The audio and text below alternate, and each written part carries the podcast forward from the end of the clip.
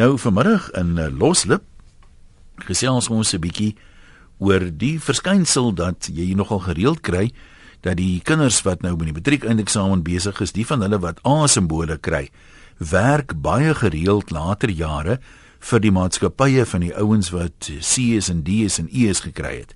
Min van hierdie A-kandidate raak baie keer professionele mense, maar jy nou moet gekeur word vir kursusse soos mediese wat ook al.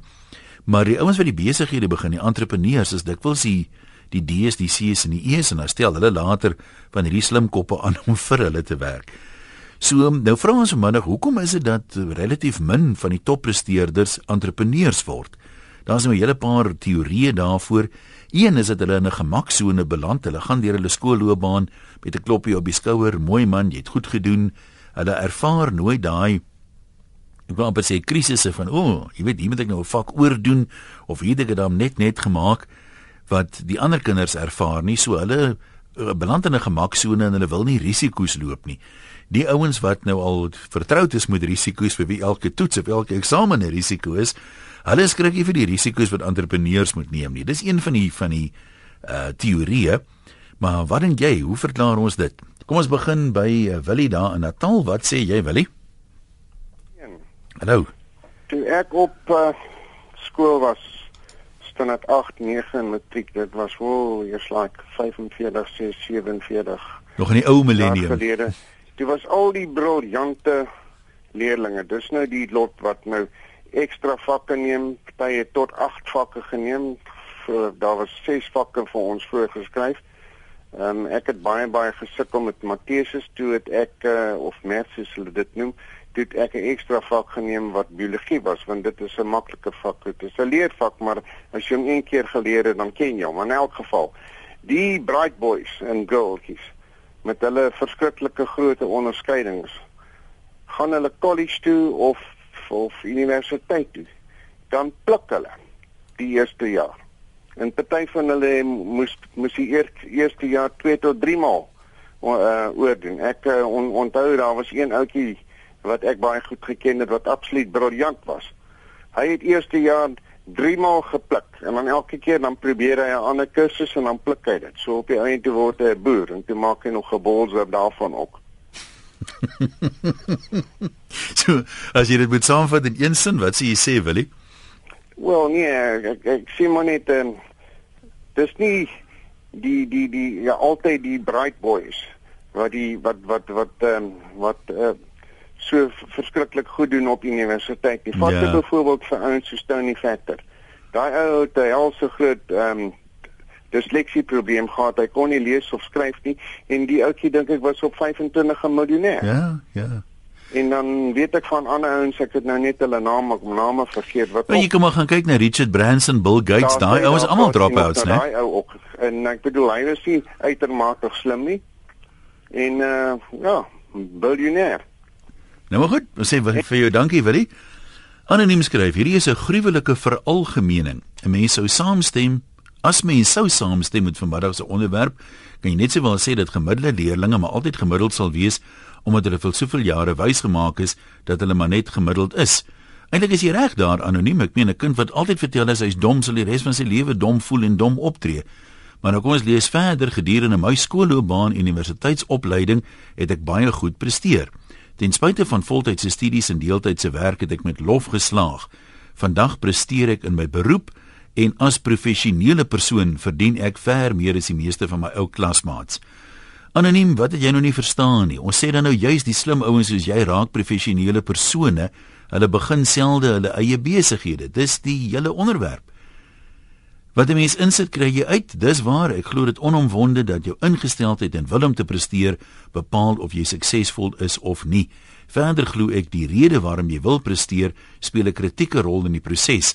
As 'n mens weet wat jou doel is en wat jou dryf is in die stryd, is dit halfpad gewonne. Die res is harde werk, ongeag of jy 'n A-kandidaat of 'n gemiddelde C-kandidaat is. En as jy wonderlike familie soos ek het, jy nie anders as om bo uit te kom nie. Nee, in beginsel stem ek heeltemal met jou saam. Maar ek meen as ons nou kyk na die rykste ouens in die wêreld, kyk in jou eie vriendekring, mense wat jy ken. Ons almal ken seker 'n paar ryk mense. En natuurlik is daar professionele mense onder hulle, maar die entrepreneurs, die ouens wat hulle eie besighede begin, is baie gereeld en ek sê nie dis nooit nie, maar dis baie gereeld nie die ouens wat goed gevaar het op skool nie. En uh, een van die teorieë daarvoor wat ek onlangs raak gelees het, ek so 'n bietjie navorsing gedoen het vir die onderwerp, is juis dat hulle sê as jy gereeld goed doen op skool, dan raak jy gewoond daaraan, jou ma, jou pa, jou onderwyser sê almal goed so. Jy loop nie eintlik risiko's nie want jy doen altyd goed. Maar die ouens met die swakker simbole wat daar 'n paar toetse druip en op hulle hond se ster deurkom, daai ouens is geneig om as entrepreneurs meer risiko's te neem want hy was nooit in daai gemaksone van alles wat hy doen slaag nie. Hy weet sommige goed misluk. Hy weet jy chop sommige toetse af. En daarom is die mislukking wat gepaard gaan baie dikwels met entrepreneurskap want onthou gemiddeld en dit is nou maar 'n gemiddelde syfer is dit net 'n uh, slaage entrepreneur eers met sy derde besigheid. Baie ouens misluk 'n hele paar maal as hulle die lesse leer en slaag hulle later. Nou wat dink jy dis een teorie? Wat is die ander ander teorieë? Ek meen kom ons gesels verder met Estel van vereniging. Hallo daar. Hallo Ian, dit Ja. is Estel Jan. My seun is nou vandag 9 jaar getroud. Hy's 33 jaar oud. Hy het treurig in die skool gedoen, ook maar net gekom en hy hy moes dadelik na matriek weens finansiële probleme by sy pa in die fabriek begin werk. Hy het omtrent 3 jaar daarna sy eie fabriek begin. Ehm en hy is vandag regtig 'n welgestelde man met met sy eie fabriek, baie mense wat vir hom werk, mooi karre, whatever. Mens kan nou sê dis op skuld, maar jy moet tog die skuld kan dien. baie waar. Ek kan dit nie koop nie. Ja. En sy vrou het nog nooit gewerk van hulle getroud is nie en sy is ook 'n gegradueerde vrou. Hy het twee jy nou- pragtige kinders. As jy en- nou so terugdink, dink jy ehm um, hy was maar altyd kom ons sê 'n intelligente ou, hy het net hard geleer op skool Ja, nie is net of wat? Is dit die dit die rede? Ja, dit is net net lui, jy weet. En uh, maar uh, my man is 'n meganiese ingenieur en ons het um, so, jy weet, 'n fabriek in daai lyn. Ja. En my seun het maar net ehm um, jy weet na matriek moes hy dadelik by my by my man gaan werk en hy's hy het in die besigheidslewe groot geword. En jy weet hy weet dis nie Hmm. maklik nie. Hy werk tot vandag toe as hulle hom in die nag uitroep, hy stuur nie net aan 'n enige jong ouetjie uit nie of jy weet 'n appie wat kan jy nou sê? Ja, maar wat jy nou wat jy nou daar sê sluit nou so eintlik aan by hierdie teorie want Ja. hy het gesien dis nie maklik nie, Nee. maar 'n kind wat met min leer nog steeds goeie punte kry, begin later glo die lewe is maklik. Ja, ja, nee, ek meen hy het maklik groot geword, maar hy het gesien dis sy pa baie hard gewerk tot vandag toe nog en hy het groot geword met jy weet soos my man altyd sê, jy weet, as jy nie jou kant bring nie, dan sny ek jou water en ligte af. chop chop. Jy weet, Waar is jy nou? Ai tog, dankie. Ek dink sy het min of meer gesê wat sy wou. Uh, Maritjie sê ons dink toppresteerders is hoogs intelligent. Hulle word so uitgemaak sê sy, maar dis dikwels papegaaiwerk. Uitvinders en innoverende mense se skoolprestasie is dikwels maar flou. Die opvoedkundige instellings kan nie voorsiening maak vir begaafdes nie, net die gemiddeldes. Nou, dis am skole vir begaafde mense en ek meen party van hulle doen allerlei akademiese tipe van navorsing. Kom ons hoor wat sê uh Adrian en Alberton. Hallo. Goeiemôre Ian. Dis hy. Ja, dis alreeds nie so. Ek, ek wil net sê ek het in 2009 matriek geskryf. En nadat wou ek onderwys gaan studeer het by uh, universiteit. Hulle het my afgekeur oor oor 2% omdat ek nie 2%, jy weet, ek was te kort aan 2%. En ek wil net sê dat ek het gaan werk daarna, ek het aangegaan en ek het gewerk en ek het net besluit ek gaan my nie onderkry nie. En ja, ek het nou 'n bietjie navorsing gedoen en nou begin ek binnekort begin ek tog met my onderwys te, studeer deur 'n private college. So die geleenthede is al buite. Ek is dis interessant dat jy dit sê want want baie mense wat regtig vasbyt en eers kom, het eers een of ander terugslag gehad wat hulle dan as dit ware meer vasberade maak.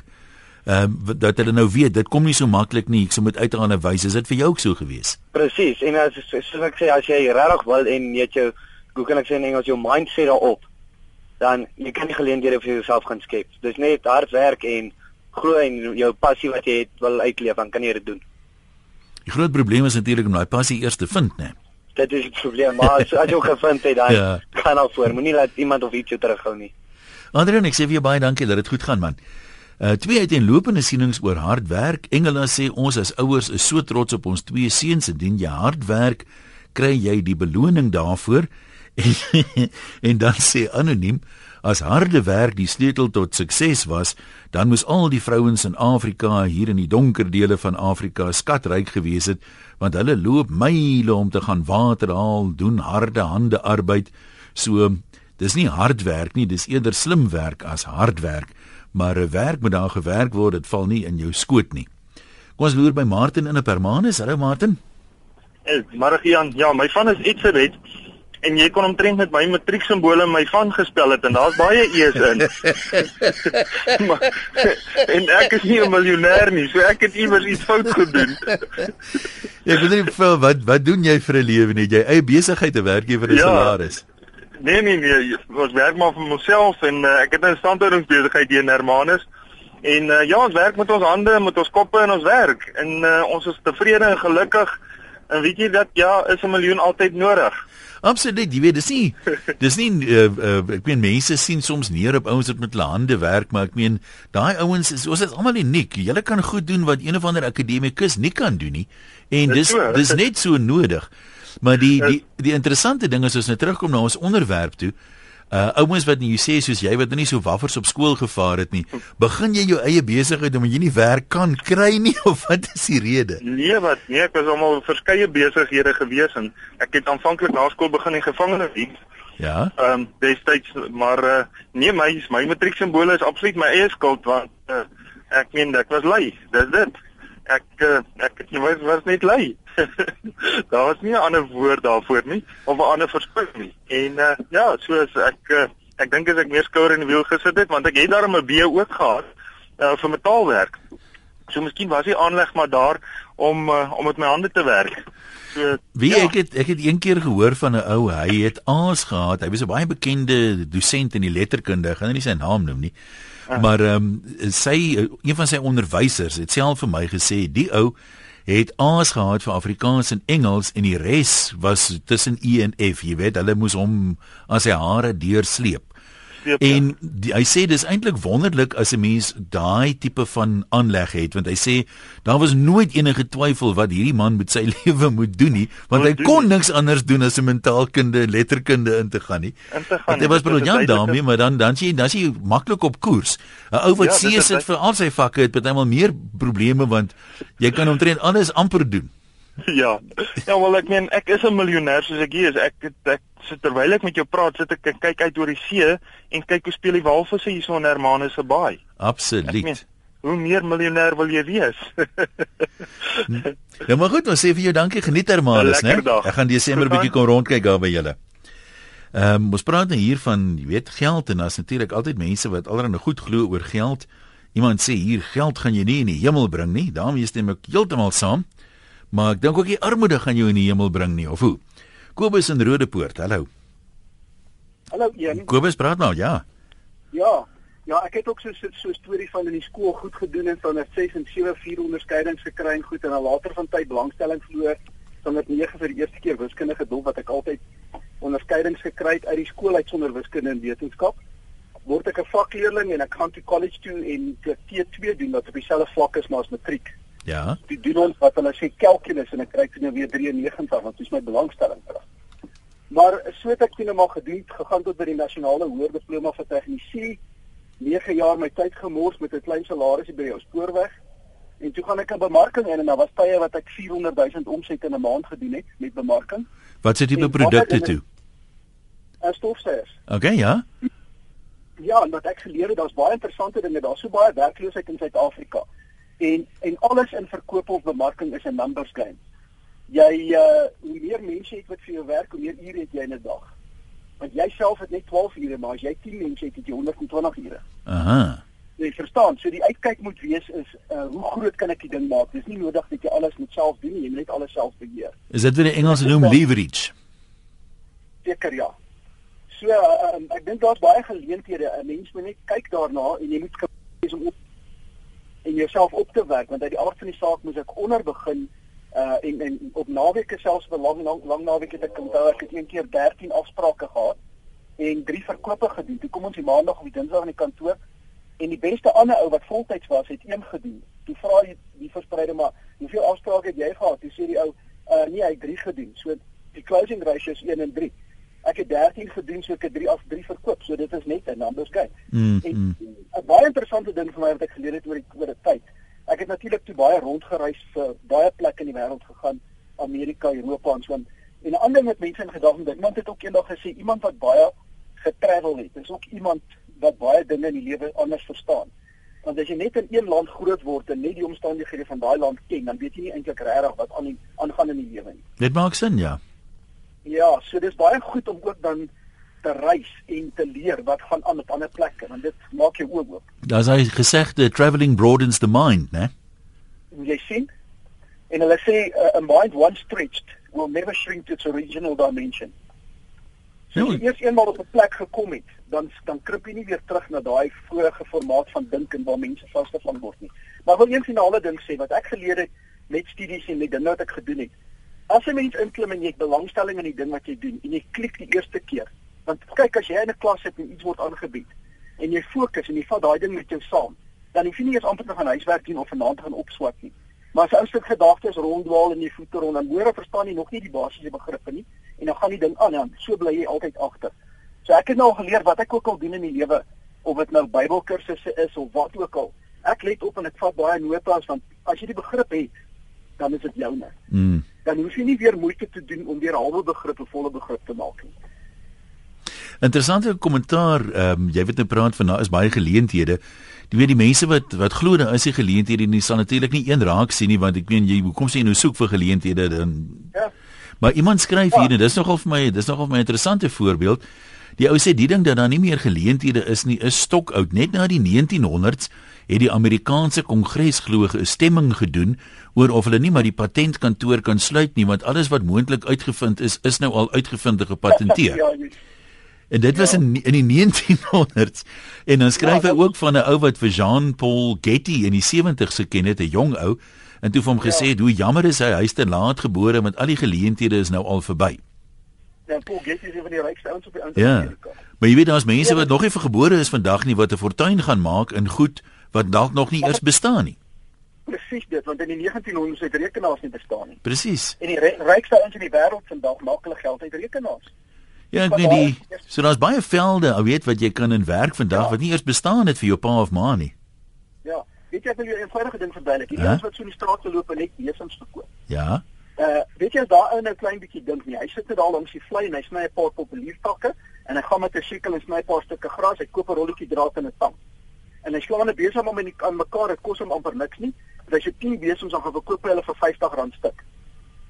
Nee, dan Ja. maak hy nou tipe of 5 dan maak hy R500 vir die dag. Dis dit elke dag doen is dit so rondweg 15000 per maand. Wat heel waarskynlik ding van want hy's nou nie geregistreer omdat hy langs die struik by die rivier Ja. Jy sien dan as hy nou 'n bietjie aangaan, dit is soos die ouens wat hierdie afskortings maak met die houtjies wat hulle so mekaar slaan met hierdie populierlatte. Nou kom hierdie ou en dan sien, sien hy, okay, maar die ding werk en kry vyf ander ouens om hom te help. Hy loop nie meer sy voete af in die straat nie en hy stuur vyf ouens elk met 10 besems uit en hy vat net die helfte van die profit. Nou gaan hy skielik 30000 'n maand maak. Verstaan jy? Daar's soveel dinge wat jy kan doen. Mens moet net partymal en daai 'n bietjie anders dink daaraan, 'n kopskuif maak want ek meen mense is so gewoond op die tradisionele manier dink. Ja, jy weet my kinders toe hulle gaan swat het, toe sê hulle my seun, my oorlede seun wil 'n uh, crime ranger word. Toe sê ek maar, nou gaan werk jy vir vir parkeraad. Dan tel jy nou probleem daarop, dan moet jy uit die aard van die saak nou vir vir 'n wildsboer gaan werk, want waar gaan jy nou wilde diere oppassing goed? Sê jy jy's beperk. Jy sê van dan word jy eerder 'n mechanic. En as jy pop oor die fans vra, dan maak jy kar in jou yard reg. Ja, ja. Maar dit is dan jy altyd 'n inkomste want jy moet iets gaan swat of iets gaan doen wat jy kan huis toe vat. Maar wat jy na ure of wat jy besigheid op die sideline kan begin. Jy moet daaraan dink dit help nie jy gaan doen 'n graad of 'n ding en dan sit jy en jy's gestrand want jy jy kan net een ding doen. Kobus, ek sê vir jou dankie, wyse woorde van jou en voorspoed vorentoe. Dankie een en almal wat wat luister ook. Mooi loop. Dankie man. Chris sê hy was vir 10 jaar in die weermag, toe maak hy sy eie besigheid oop en hy sê daar word baie klem gelê op entrepreneurskap en daar's baie boeke daaroor geskryf. Maar hy vind die grootste probleem is baie van die nuwe entrepreneurs is onder die indruk dat dit 'n maklike proses is. As Richard Branson dit kan doen, dan kan ek dit ook doen. Hy sê dis maar 'n uh, 'n moeilike proses, maar 'n uh, mens moenie dink aan ryk word oornag nie. En onthou, harde werk alleen gaan jou nêrens bring nie. As jy slim en hard werk, kan jy suksesvol wees. Nog 'n anoniem sê dit werk so: die middelmatige ou is pligsgetrou en werk hard en hy trots op sy inset, waar die entrepreneur juis die hardwerkendheid van die hardwerker van die hardwerker absoluut benut tot die voordeel van die entrepreneur. En die entrepreneur het niks om te verloor as hy verloor nie. Waar die hardwerkende ou voel hy verloor alles as hy nie slaag in die kansvatter entrepreneur nie. Dis hoekom die gemiddelmatige ouens meestal goeie professionele ouens word en die kansvatter sukses behaal met die kansvat. Ja is nogal 'n interessante siening daai een ook Ehm um, kom ons gaan kuier by anoniem baie anonieme vanmiddag in vrede is hierdie een hallo Middag Jan Hallo daar Uh ek sal graag iets wil by sê. Ek dink dit hang ook van emosionele intelligensie af en nie die hoogste IQ nie. Want jy kry baie keer 'n persoon wat 'n verskriklike hoë IQ het wat nie kan aanpas nie, nie weet wat hulle wil doen in die lewe nie. Daar's te veel goed wat hulle kan doen. En emosionele intelligensie uh, is 'n veld op sy eie en dit het het ook geduld, volwassenheid, kan met mense werk en as jy jou passie ontdek in die lewe, uh sal jy bo uitkom. Wat kan 'n mens doen? Ek wens iemand kan 'n kursus ontwikkel om jou passie vroeër te ontdek, want daar's mense wat doodgaan sonder om dit te doen. Absoluut, want ons uh, is hier van die platteland en hier is 'n paar boere wat ek sê wat nie goed gedoen het op skool nie, party nie eers matriek nie en hulle is fantastiese boere. Dan kry jy weer ook 'n boer wat die enigste seun was van sy pa en dan doen hy dan maak hy nie 'n sukses met die boerdery nie en dan op die sê hy maar hy moes 'n ingenieur of iets anders te geword het, maar hy moes kom boer. Ons hoor vir jou. Dankie ja. hoor groete daar. O, ek kry lekker baie haatpos vanmiddag, sies van Hester wat sê sy het aanvanklik van my gehou, maar deesdae praat ek met luisteraars asof hulle idioote of kinders is. Ek is jammer as dit so oorkom Hester, maar die goed wat hier staan, ehm um, ondersteun nie die gevolgtrekking dat dit intelligente mense is wat dit sê nie.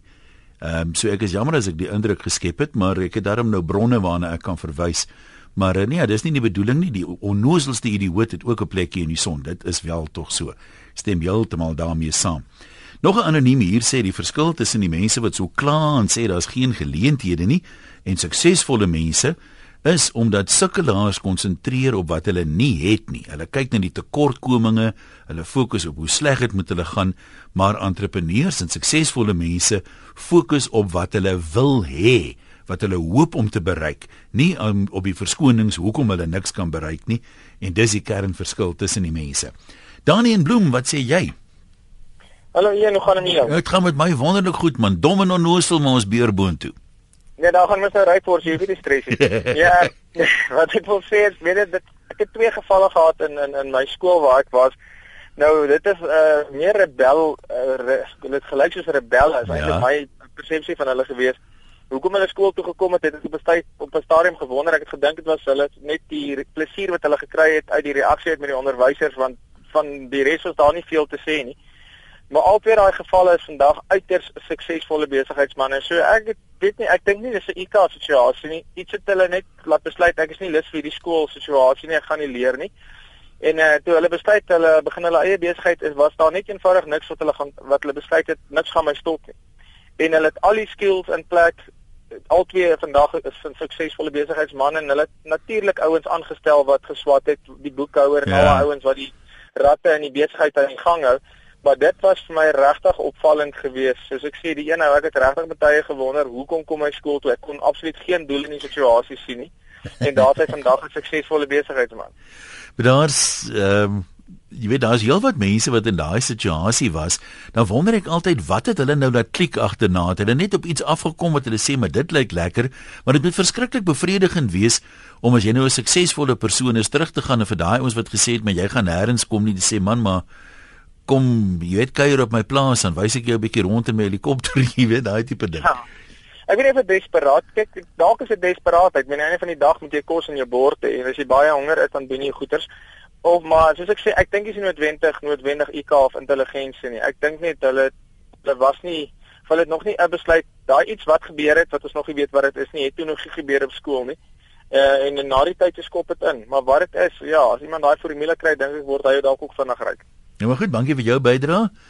Cassandra sê baie A-kandidate het net boekkennis en nie noodwendig common sense nie of dalk nie sulke goeie people skills nie. Op skool het jy net die boekkennis nodig, maar in die praktyk het jy veel meer nodig. So party C-simbool mense kan dalk nie so goed speel nie, maar het 'n gladde mond en goeie idees. Ehm um, Dommie sê is natuurlik nie al die dom ouens wat ergens kom nie. Nee, dit is inderdaad so. Ehm um, ek meen baie van die slim ouens kom nêrens nie en baie van die dom ouens kom nêrens nie.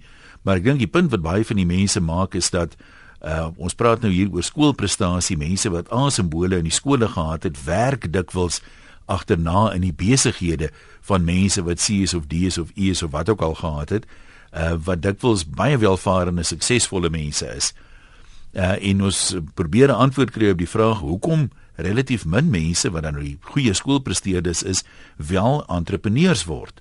Het hulle nie die vaardighede wat 'n entrepreneur moet hê nie, soos iemand nou hier sê, hulle is dalk slim, maar dit nie noodwendig goeie idees nie. En dan mense ook gepraat van al die risiko's dat hulle verkies, so 'n soort van die veiligheid van ek kry 'n goeie salaris bo die risiko van ek moet nou geld instoot om hierdie besigheid uh jy weet van die grond af te kry. Koos, jy's in Klerksdorp en ons kuier by jou. Hoi, goeiedag een. Hallo man. Uh, ek het 'n mooi storie vertel. Ek het 'n vriend uh, in Suid-Afrika wat ehm um, soos hy altyd sê hy's in in Suid-Afrika gemaak, maar hy's in Kanada gebore. en toe hy Ja. So so hy so 4 of 5 is toe sy pa nou terug en nou, hulle was nog altyd terug en toe hy in staat 8 is toe vra sy pa vir hom, jy weet, what do you want to become one day? Hy sê I want to become a surgeon. Hy sê hy, hoekom? Hy sê want ek wil baie geld maak. Hy sê wat if you're a surgeon, dan kan jy net soveel operasies 'n dag doen. Hoekom doen jy nie iets waar jy 50 mense kan kry om vir jou te werk nie? En die einde van daai stuur sy pa hom Kanada toe toe word hy loodgieter. En toe kom hy terug en vandag is hy die suksesvolste loodgieter in Suid-Afrika. Hy het die grootste loodgiet maatskappy in Suid-Afrika. Hy verdien miljoene 'n maand om drein skoon te maak onder andere. Skat skat skat ryk. En ek het nou al baie met hom gesels want jy weet mense sal tap uit so ou uit. Ja. So ek sit baie keer met hom gesels dan wil ek nou probeer uitvind wat is in hierdie ou se kop. Hierdie ou het net 'n waagmoed wat skrik vir niks nie. Hy hy kan waag. Hy's nie bang nie. Hy vat geld en hy probeer daai ding met dit of hoe ook al. Jy weet so dit gaan nie oor hoe slim jy is nie. Dit gaan maar oor emotional intelligence. Dit gaan oor hoe jy waag. Dit gaan gat nie. Ek het 'n ander vriend wat ek net gou vinnig kan sê. Ja? Hy hy was die hy's die jongste en toe hy klaar ges, toe hy nou klaar met matriek is, dis al sy boeties al klaar ingenieurs BSc ingenieursgrade. Ja. Toe gaan hy nou ook en hy gaan studeer vir uh, siviele ingenieurswese. En 6 maande dan het hy, toe sê sy pa nee, swart is nie vir hom nie. Hy wil geld maak, hy wil nie swart nie. Toe begin hy 'n uh, pad ag bou, 'n pad wat hy baie bou. Ja. En al sy boeties. Ek ken hulle almal, drie van hulle. En al die boeties se seuns, het almal BSc ingenieursgraad, almal werk vir Mike. En Mike is 'n biljoenêr. Hy bou baie. Dis wat hy doen. Hy skat skat ryk en hy het geen graad nie. Almal in die familie met grade werk vir hom. Hy doen dit en hy is die ou met die dryf. Hy's die ou met die oomf. Dit gaan oor die oomf. Dit gaan nie oor die kop nie. En die kop kan al baie dinge. As jy 'n gewone skool is, dan kan jy 'n rocket scientist word. Jy gaan nie noodwendig baie geld maak nie. Jy moet daai dryf om ryk te wees. Ek is 'n predikant. So ek het nie geld nie. My boetie het matriek gepluk. En hy skatryk. Hy het huise huise op huise en hy het matriek gepluk. Hy het dit later oorgedoen maar in Engels gepluk. Hy het gesukkel met Engels. Maar dit gaan nie oor hoe slim jy is nie. Dit gaan oor hoeveel oomf en hoeveel dryf jy het en wat jy graag wil bereik, is my mening. Nee, ek dink dit maak baie sin en daai oomf is mos nie 'n vak op skool nie. Dit is dit is gat nie. Ongelukkig nie. Jy weet hulle leer nie. Leer my kind is nie hoërskool. Hulle leer nie kinders in elk geval op skool om te leer nie. Hulle leer nie kinders om te leer nie. Hulle sê vir kinders, hier is jou geskiedenis, jy moet dit leer. Maar hoe om dit te leer? Hoe jou brein, die kognitiewe gedeelte van jou brein werk. Hoe jy hierdie goeders moet kry want jy Hulle sê mos dit gaan nooit uit jou brein uit nie, maar om dit weer te gee. Party mense weet om dit weer te gee, ander weet nie. Maar dit bepaal nie hoe suksesvol jy eendag gaan wees nie. Absoluut. Nee, maar baie dankie daarvoor. Ehm um, ek dink jy weet as mense nou iets positiefs uit die program soos vanmiddag sin moet haal, dan is dit miskien ehm um, uh, epos of soos hierdie uh, iemand wat sê waar is daai ene nou? Ek is maar een van die dom ouens. Ek het nooit belang gestel om my boeke nader te trek nie. My velle hang steeds in die skool se heining. Dan skryf ek al vir die laaste 14 jaar my eie salaris check, maar tog het ek altyd so 'n dom kluit gevoel. Nou, dis die ding jy jy's wie voel partymal so, maar uh, as jy nie noodwendig in die presteer kategorie geval het nie, beteken dit nie dis nou die einde van jou lewe nie en ek meen dis wat ek ook vanmiddag vir die matrieks wil sê. Ek word nou hier uitgetrap deur hoeveel mense wat sê ek moedig die kinders aan om nie te leer nie. Ai tog. Logika 101 het ek ook mos nie deurgekom nie. Maar uh, natuurlik wil mense so goed as moontlik in matriek doen, maar die realiteit is dan gaan mense matriek druip. Daar is mense wat nie eens ingeskryf het vir matriek nie, maar dit beteken nie hulle lewens is oor nie. Baie van hulle gaan nog baie suksesvolle mense raak. Net soos wat daar suksesvolle A-kandidate en onsuksesvolle A-kandidate is, is daar ook uh van die mense wat dom soos 'n kluit gevoel het wat baie goed gedoen het agterna. Theo daar die baie sê, hy sy mening is die goeie presteerders op skole skitterend met teorie, maar hulle kan selde balans handhaaf met die praktiese uitvoerbaarheid.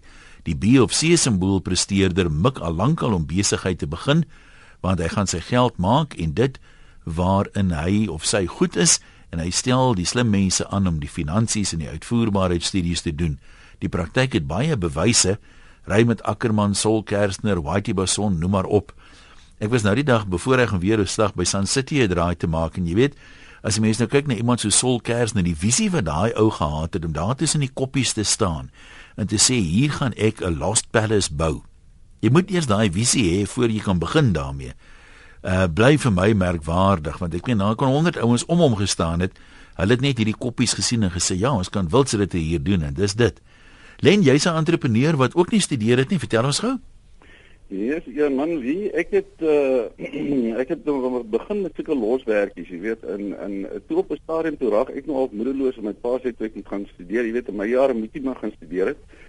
En uh, ek is toe ook soos daai vorige inbeller gesê het, ek het net so jare en 'n half gehou te besluit maar dis nou nie vir my nie, ek moet nou begin geld maak, jy weet. Ja.